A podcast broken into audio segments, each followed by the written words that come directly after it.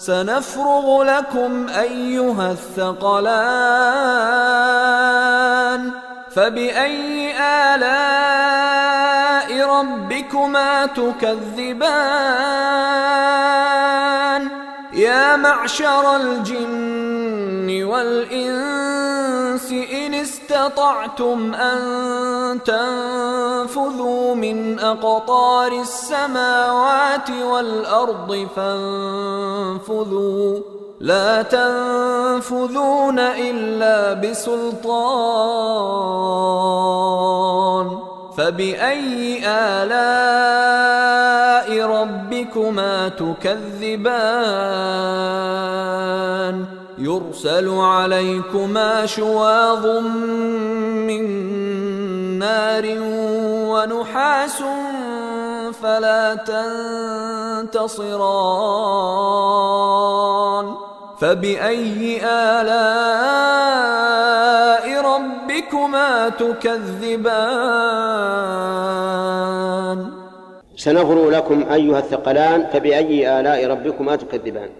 هذه الجملة المقصود بها الوعيد كما يقول القائل لمن يتوعده سأتفرغ لك.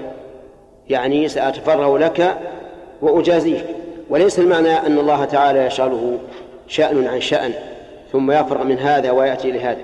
هو سبحانه وتعالى يدبر كل شيء في آن واحد في مشارق الأرض ومغاربها وفي وفي السماوات وفي كل مكان.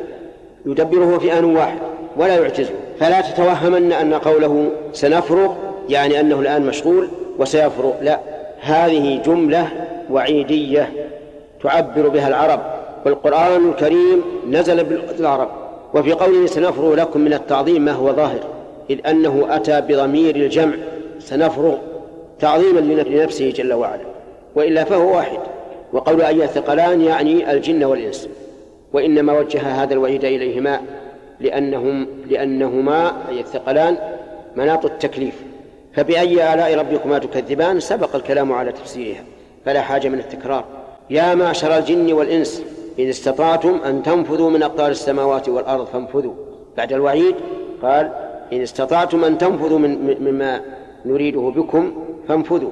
أن تنفذوا من أقطار السماوات والأرض أي من جهاتها فانفذوا ولكن لا تستطيعون هذا. فالأمر هنا للتعجيز ولهذا قال لا تنفذون إلا بسلطان يعني ولا سلطان لكم. لا يمكن أحد أن ينفذ من أقطار السماوات والأرض. إلى أين يذهب؟ لا إلى شيء ولا يمكن.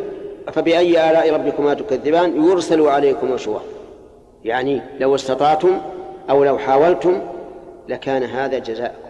يرسل عليكم شواظ من نار ونحاس أي محمى بالنار. فلا تنتصران.